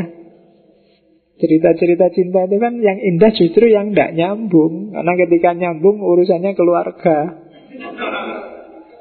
Jadi ya. Jadi musik bikin kita tajarut Terbebas dari semua keterikatan duniawi Kamu bisa melayang sendiri dengan musik Tajarut Jadi dalam sufi berarti apa? Di antara jalan untuk kamu tidak sangat terikat oleh dunia adalah musik kalau di Maulawiyah dengan jalan menari diiringi musik maka semua selain Allah nggak ada artinya. Kalau di Tarekat Jistiyah dengan wirid zikir yang keras, ritmis, mendengarkan suara sehingga kepala hanya mendengarkan Allah, mulut hanya mengucapkan Allah, hati hanya terisi oleh Allah. Tajarud dan tawajud sekaligus. Itulah fungsinya musik. Eh, itu yang tadi saya bilang, ada puisi tentang musik, apa yang tidak bisa disampaikan oleh ilmu pengetahuan. Seni dapat mencoba menjelaskan. Apa yang tidak tersampaikan oleh seni, keras disuarakan oleh puisi. Namun saat puisi tak mampu menjelaskan kata, musik mampu mengekspresikan makna. Siapa yang memahami misteri getaran, ia tahu segala hal. Oh, itu dalam. Kamu kejar sendiri apa itu misteri getaran. Nanti ada bukunya yang judulnya tentang dimensi spiritual musik dan bunyi sudah diterjemahkan dalam bahasa Indonesia. Meskipun terjemahannya agak bulat, tapi lebih mending daripada kamu baca aslinya. Mesti orang paham gelas kalau kamu baca aslinya. Jadi ada dimensi spiritual musik dan bunyi. Jadi itu peran yang dimainkan oleh musik. Nah, Ada satu bukunya yang saya suka dari Inayat Khan adalah dia pernah nulis tentang hidup yang seimbang. Jadi untuk kamu hidup yang harmonis, seimbang dalam hidupmu, perhatikan lima hal. Apa yang kamu makan, gaya hidupmu, pekerjaanmu, apa yang kamu lakukan, persahabatanmu, siapa saja temanmu, dan lingkunganmu. Makanan nanti dia punya teori ada makanan yang membuat orang tenang, kalem, ada makanan yang membuat orang overaktif, hiperaktif, ada makanan yang membuat orang kacau metabolismenya. Pilihlah, ya nanti jenisnya banyak yang bikin orang tenang, kalem itu kebanyakan makanan yang tidak bernyawa. Itu yang bikin banyak orang vegetarian dalam dunia sufi. Ada makanan yang bikin orang aktif. Sebenarnya tidak jelek-jelek amat, cuma kadang-kadang kalau over bikin orang juga over. Nah, yang saya ingat antara lain daging ayam, kemudian ikan tertentu. Kalau sayur bangsanya lombok, bawang, dan lain sebagainya. Terus ada yang mengacaukan metabolisme. Lawannya tenang. Bikin hidup jadi tidak tenang. Melonjak-lonjak. Daging merah antara lain. Kambing. Kalau kamu makan kambing hati-hati ada yang melonjak-lonjak nanti. Ya kan? Itu yang diperhatikan juga kalau di dunia sufinya Inayat Khan. Hiduplah seimbang. Hati-hati yo, jangan terlalu banyak makan yang bikin melonjak-lonjak. Seandainya terpaksa makan, imbangilah dengan makanan yang menentramkan tadi. Kalau kita kan sering tidak imbang, monoton. Ya kalau makan jenis pertama saja, ya nanti hidupmu jadi agak melempem. Ya, yang saya-saya dengan ndak ndak ndak banyak gerak, kamu males kerjaan yang ngeleset terus itu. Jadi Pak cari makan jenis ke dua ya, ketiga ya, cuma agak imbang. Karena penyakit di mana-mana karena kamu nggak seimbang. Yang mentang-mentang punya uang tiap hari makan yo ah, ayam, daging itu. Yang sini nggak punya uang tempe lagi, tahu lagi, tempe lagi, tahu lagi. Tiap hari pramukaan. Oke, jadi itu kan pramuka kan gitu tempe tahu seragamnya pas. Iya. Jadi kalau dulu zaman saya dulu gitu, lauknya apa mas? Pramuka. Pramuka berarti kan coklat muda sama coklat tua, tempe tahu. Oke. Eh, yang kedua pola hidup pasti pekerjaan. Cari pekerjaan yang sesuai passionmu Kalau bahasanya orang sekarang Sangat gawat kalau pekerjaanmu Kamu tidak suka Meskipun ada penghasilannya Tapi itu menggerogoti hidupmu pasti Terus persahabatan. Jangan salah, teman itu juga sumber gelisah, tapi juga sumber bahagia. Begitu kamu salah milih teman, kamu rasakan sendiri akibatnya. Hidupmu tidak akan seimbang. Jadi hati-hati, nyari teman yang sesuai frekuensimu. Begitu tidak nyambung, akan jadi penderitaan bagimu. Meskipun sangat dekat, tapi kalau tidak nyambung ya susah. Yang terakhir lingkungan. Ya kan, lingkungan harus kondusif. Kalau kamu anak sangat soleh, jangan nyari kos-kosan di dekat-dekat sarkem apa doli apa apa. Ya, tiap hari kamu tekanan batin mesti. Ya kan, jadi yo lingkungan penting. Kalau kamu suka nyak-nyakan sak karepe jangan jadi takmir. Stres kamu nanti. Sebentar-sebentar suruh nyapu, suruh adan, suruh bikin teh, suruh was. Tidak nyambung. Jadi lingkungan penting Perhatikan. Cari yang sesuai passionmu. Oke. Jangan sampai kamu kamar kos-kosan Yang satu suka musik Yang satu suka hening. Wah itu alamat itu sudah. Dua-duanya akan tersiksa. Yang satu suka musik Dia baru sepi banget toh. Nah, Yang satu suka hening Temennya ribut. Ah ribut sekali. Susah. Tidak akan berkembang kamu dengan lingkungan semacam itu. Jadi hiduplah yang seimbang Makanan yang seimbang, pola hidup yang tidak berlebihan di level apa pun. Setiap yang berlebihan pasti jelek. Dan agama mencela itu. Hidup biasa-biasa aja. Meskipun kamu soleh ya tidak harus setiap malam 6 jam kamu tahajud, sholat, tidak harus. Tidak manusiawi. Kalau pas bangun jam 3 ya tahajud. Kalau tidak bisa bangun asal subuh bangun tidak apa-apa. Kalau kok bangunnya jam 7 ya ndak apa-apa sebulan sekali. Misalnya. ya. Atau jangan-jangan ya saya yang subuh itu Pak yang sebulan sekali. ya. Biasanya yang normal itu yang jam 7 itu. Eh. Ya kamu atur sendirilah yang seimbang. Oke, terakhir saya ingin ngasih nasihat dari Inayat Han. Setiap orang pasti butuh guru, butuh mursyid. Apalagi yang ingin mendalami dunia sufistik. Cari guru yang benar. Ini inspirasi dari Inayat Han ya.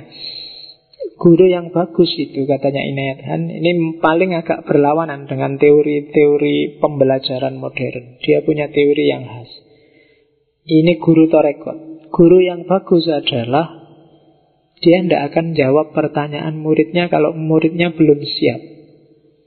Atau seandainya jawab sesuai level muridnya.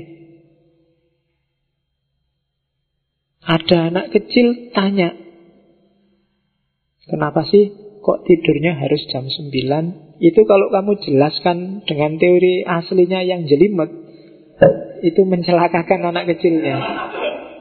Ya kan, kalau kamu menjelaskan gini loh dek, metabolisme kita adalah Ya kan? Sementara kan kamu jawabnya cukup Kalau malam ada hantu loh Hati-hati Itu kan bohongi sebenarnya Tapi levelnya dia baru nyampe itu Kalau kamu jawab apa adanya Mungkin malah merusak Jadi maksudnya apa? Guru yang baik adalah guru yang ngerti level yang dia ajar. Jadi cari guru yang bisa semacam ini. Jangan guru yang pokoknya seberapapun muridnya podo nih. Di mana pun muridnya sama. Itu biasanya gawat. Terus kadang-kadang guru itu harus nguji dulu. Kalau zaman dulu orang mau ikut ulama siapa, wali siapa itu kan ujiannya banyak. Sunan Kalijogo disuruh nongkrong di pinggir kali selama 40 hari. Lo bayangkan. Itu cuma nunggu nih, tau nggak? Mending kalau mancing sambil anu gitu. pinggir kali. Dia suruh diem di situ semedi 40 hari. Itu kan kesungguhan, kesiapan mental. Ya kalau kamu nongkrong pinggir kalinya kan beda. Dan itu biasanya nguji gurunya. Kalau emang sanggup, oh ya berarti kamu serius nyari ilmu. Mentalitasnya dulu diuji. Yang ketiga, guru yang bagus biasanya melakukan trik. Ya kalau guru sufi biasanya tidak suka jadi pusat perhatian. Jadi kalau pakai teorinya Inayat Khan, pasti yang lebih suka pamer kostum, pakai jubah, pakai serban, jenggotnya sengaja dikasih obat apa itu yang biar panjang itu. Berarti dia hanya ingin memperhatikan kostum dan pasti bukan guru yang bagus. Kan ada itu kan di kisahnya siapa? Di Idrisah, kisah-kisah Sufi itu kan ada Seorang yang merasa dirinya sufi Ke mana-mana pakai surban Pakai jubah Jenggotnya panjang bawa tongkat. Tiba-tiba ada anjing lewat. Anjing itu langsung gigit orang ini. Orang ini marah anjingnya dipukuli. Terus saya lupa di Idrisa itu Anjingnya gak terima ketemu Nabi Musa. Nabi Musa Katanya Nabi Bila kamu itu ya usil Ada orang lewat kok. Malah kamu gigit lah dia gayanya kayak sufi. Sufi itu kan biasanya sabar.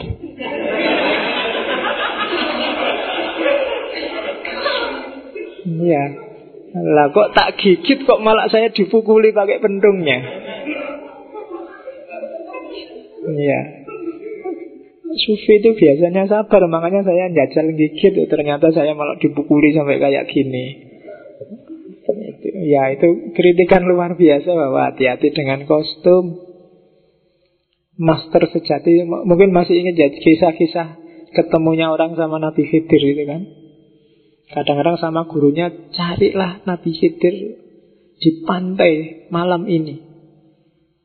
Di sana saya sudah dapat ilham dari Allah Nabi Khidir akan ke sana malam ini.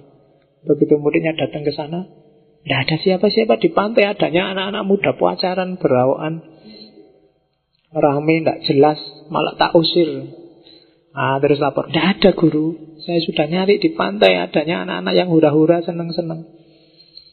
Ya itu salah satunya ada Nabi Khidir di situ. Kamu aja yang tidak peka.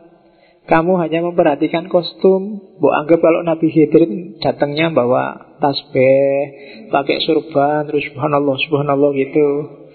Tidak. Jadi kadang-kadang memang melakukan tindakan yang tidak semestinya. Makanya di kalangan sufi terkenal ada gium layak riful wali ilal wali. Tidak tahu wali kecuali wali. Kenapa? Karena para wali itu biasanya nggak pengen dikenal. Biasanya kalau sudah terbongkar kewaliannya, dia ingin mending mati saja deh. Karena apa? Setelah ini mesti dia susah luar biasa, orang akan berkerumun. Tidak nyaman lagi dia asik sama Allah, kecintaannya. Maka katanya Inayat Han, perhatikan sekelilingmu, nggak jarang loh orang-orang aneh sekelilingmu itu beliaulah master, beliaulah mursyid, Jangan sampai kelewat. Dan ini sama kayak Inayat Khan sendiri. Karena umurnya sangat pendek. Banyak orang baru sadar betapa agungnya, betapa besarnya Inayat Khan setelah beliau nggak ada. Kita kelewatan. Gitu loh. Itu yang terjadi. Dan yang terakhir, ya penampilan luarnya kayak tadi. Selalu tidak terduga. Terus kebalikannya, yang kayak gini jangan dijadiin guru. Yang pertama apa? Mereka yang fokusnya hanya nambah murid. Bahkan promosi sosialisasi ke mana-mana. Biar dapat murid. Ya. Jadi dia yang butuh murid, bukan murid yang butuh dia. Jangan dijadiin mursyid. Kadang-kadang dalam rangka sosialisasi itu kan pamer aneh-aneh. Punya kelebihan, punya mukjizat, bisa menunjukkan kemampuan apa. Hati-hati. Jangan jadiin mursyid orang-orang yang fokusnya nambah murid. Orang-orang yang kalau yang datang ngaji sedikit dia lemes, kalau yang datang banyak dia berapi-api. Berarti fokusnya pada besarnya pengikut, nyari follower sebanyak-banyaknya. Ya, pasti bukan mursyid. Ya boleh kamu ngambil hikmah dari beliau, tapi jangan jadiin mursyid, katanya Inayat Han. Yang kedua, mereka yang sok suci, sibuk dengan dalil, sibuk dengan ritual, ke mana-mana nasihati orang, ada orang apa-apa dikit dinasehati, orang mau makan diteriaki, eh bismillah dulu, bismillah dulu. Sudah makan, alhamdulillah dulu. Kita orang Islam itu Ah, jadi menjual dalil dalam tanda petik sok suci. Ah, minum jangan tangan kiri, tangan kanan.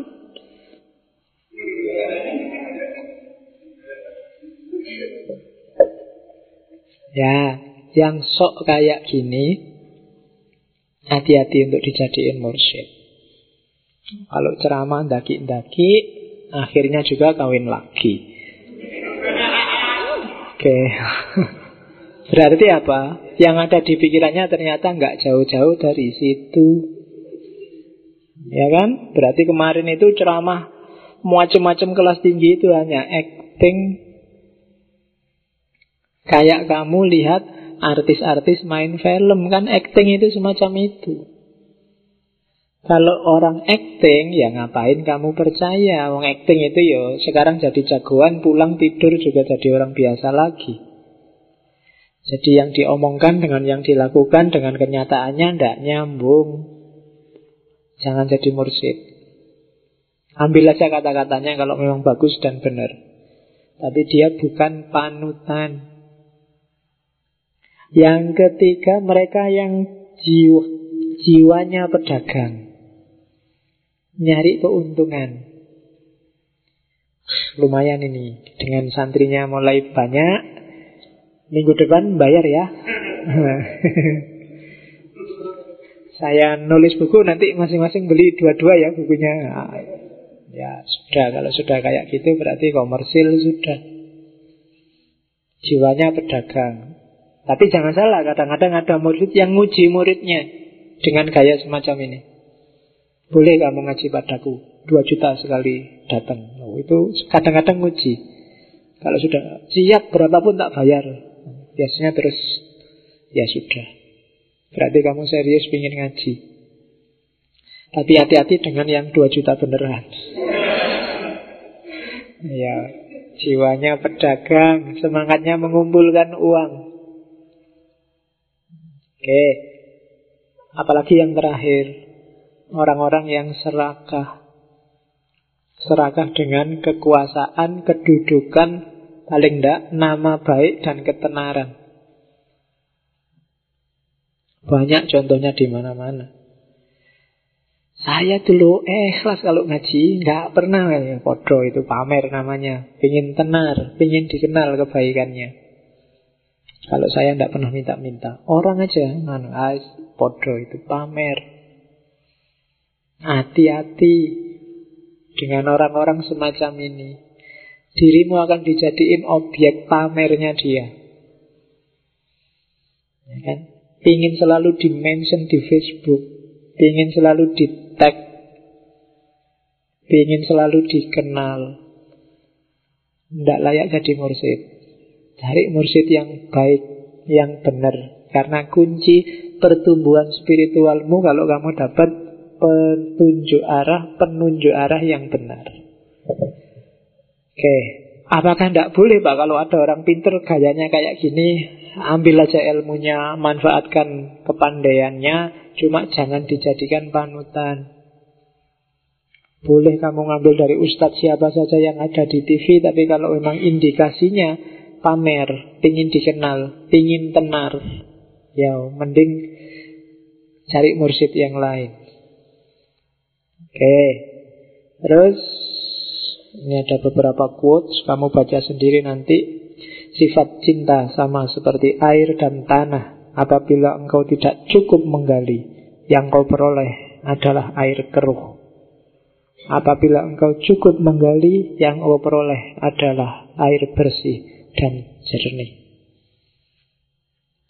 Kalau cinta jangan tanggung-tanggung Cintailah sedalam-dalamnya Bukan sebanyak-banyaknya loh ya? Ya. Iya kalau kalau sebanyak-banyaknya nanti kamu cabangnya banyak. Kalau sebanyak-banyaknya tapi dangkal Yang kalian panen adalah air keruh. Kamu hanya manen masalah. Percayalah itu. Cinta akan jadi sumber kemalanganmu Karena kamu hanya dapat air keruh. Cintailah sejernih mungkin, sedalam mungkin. Kamu akan menemukan keindahannya. Kalau enggak, kalau cintamu dangkal Mungkin hanya berhenti di fisiknya Berhenti di kenikmatan yang kamu dapat. Pasti itu tidak akan tahan lama. Kalau sebabmu mencinta hanya faktor yang tidak berumur panjang Cintamu juga tidak berumur panjang kalau hanya kecantikan, kekayaan, ketenaran, popularitas, semuanya tidak berumur panjang. Pada saatnya akan selesai. Maka kamu akan ketemu dengan air keruh. Cari yang air jernih. Some people look for a beautiful place. Others make a place beautiful. Ada orang yang nyari tempat-tempat yang indah. Tapi ada juga orang yang membuat satu tempat yang biasa-biasa jadi indah. Pilihlah jadi orang kedua. Di mana pun kamu hadir, tempat itu jadi indah. Bukan orang yang nyari-nyari tempat yang indah. Di mana pun kamu ada, tempat itu jadi indah. Karena kamu sendiri suka keindahan dan ke mana-mana membawa keindahan. Dari mana keindahan itu? Love and harmony. Cinta dan keseimbangan. Jadi indah tidak indah, tentram, nyaman, dan semua yang sejenis itu adanya dalam dirimu sendiri. Jangan dicari di mana-mana. Kamu tidak akan ketemu. Apakah harus ke Bali? Apakah harus ke Singapura? Apakah harus ke Malaysia? Tidak. Meskipun kamu ke Bali, tapi kalau batinmu galau, Bali tidak akan ada rasanya. Singapura nggak akan ada rasanya, Malaysia nggak akan ada rasanya, Perancis nggak akan ada rasanya. Tiwas kamu dibantai ISIS di sana, ya kan? Batinmu sendiri yang harus indah, maka semua tempat akan jadi indah. Kayak kamu kalau lagi seneng, lagi bahagia itu loh. Di mana pun tempatnya, ketika kamu sedang bahagia, tempat itu jadi indah. Tapi ketika kamu sumpek, di mana pun tempatnya, tidak akan ada yang indah. Jadi, some people look for a beautiful place. Others make a place beautiful. Mengetahui kebenaran itu mudah. Yang sulit adalah menjadi benar. Semua yang saya omongkan di awal sampai di akhir, kamu mantuk-mantuk, iya pak itu yang benar, iya itu yang pas. Gampang kalau cuma memahami itu. Problemnya adalah bisa nggak kamu melaksanakan itu? Bisa nggak hidupmu semacam itu? Yang sulit itu. Kalau sekedar paham, gampang. Nanti kamu putar lagi Kalau direkam, rekamannya kamu dengerin lagi. Oh iya kayak gitu. Bener. Baik, bagus. Cuma problemnya ada di situ. Bisa nggak kamu kayak gitu? Jadi mengetahui kebenaran itu mudah, simple. Yang sulit adalah hidupkan kebenaran itu. Selama ini yang susah itu. Akalmu selalu saja nyari dalih, nyari alasan. Ya belum lah pak, masih muda, tenang aja pak. Nanti kira-kira 2-3 tahun lagi kalau sudah lulus saya mau deh melakukan itu. Atau ya nanti kalau sudah agak tua lah pak, ah jangan gitu lah pak. Manusia itu normal aja, kadang-kadang salah ya wis. Semangatmu kan sudah selalu begitu. Berarti apa? Niat untuk menghidupkan yang semacam ini aja enggak. Kalau niatnya jalan enggak, ya jangan diharap. Isinya ikut. Jadi, jangan berhenti pada tahu. Tapi harus berlanjut ke laku.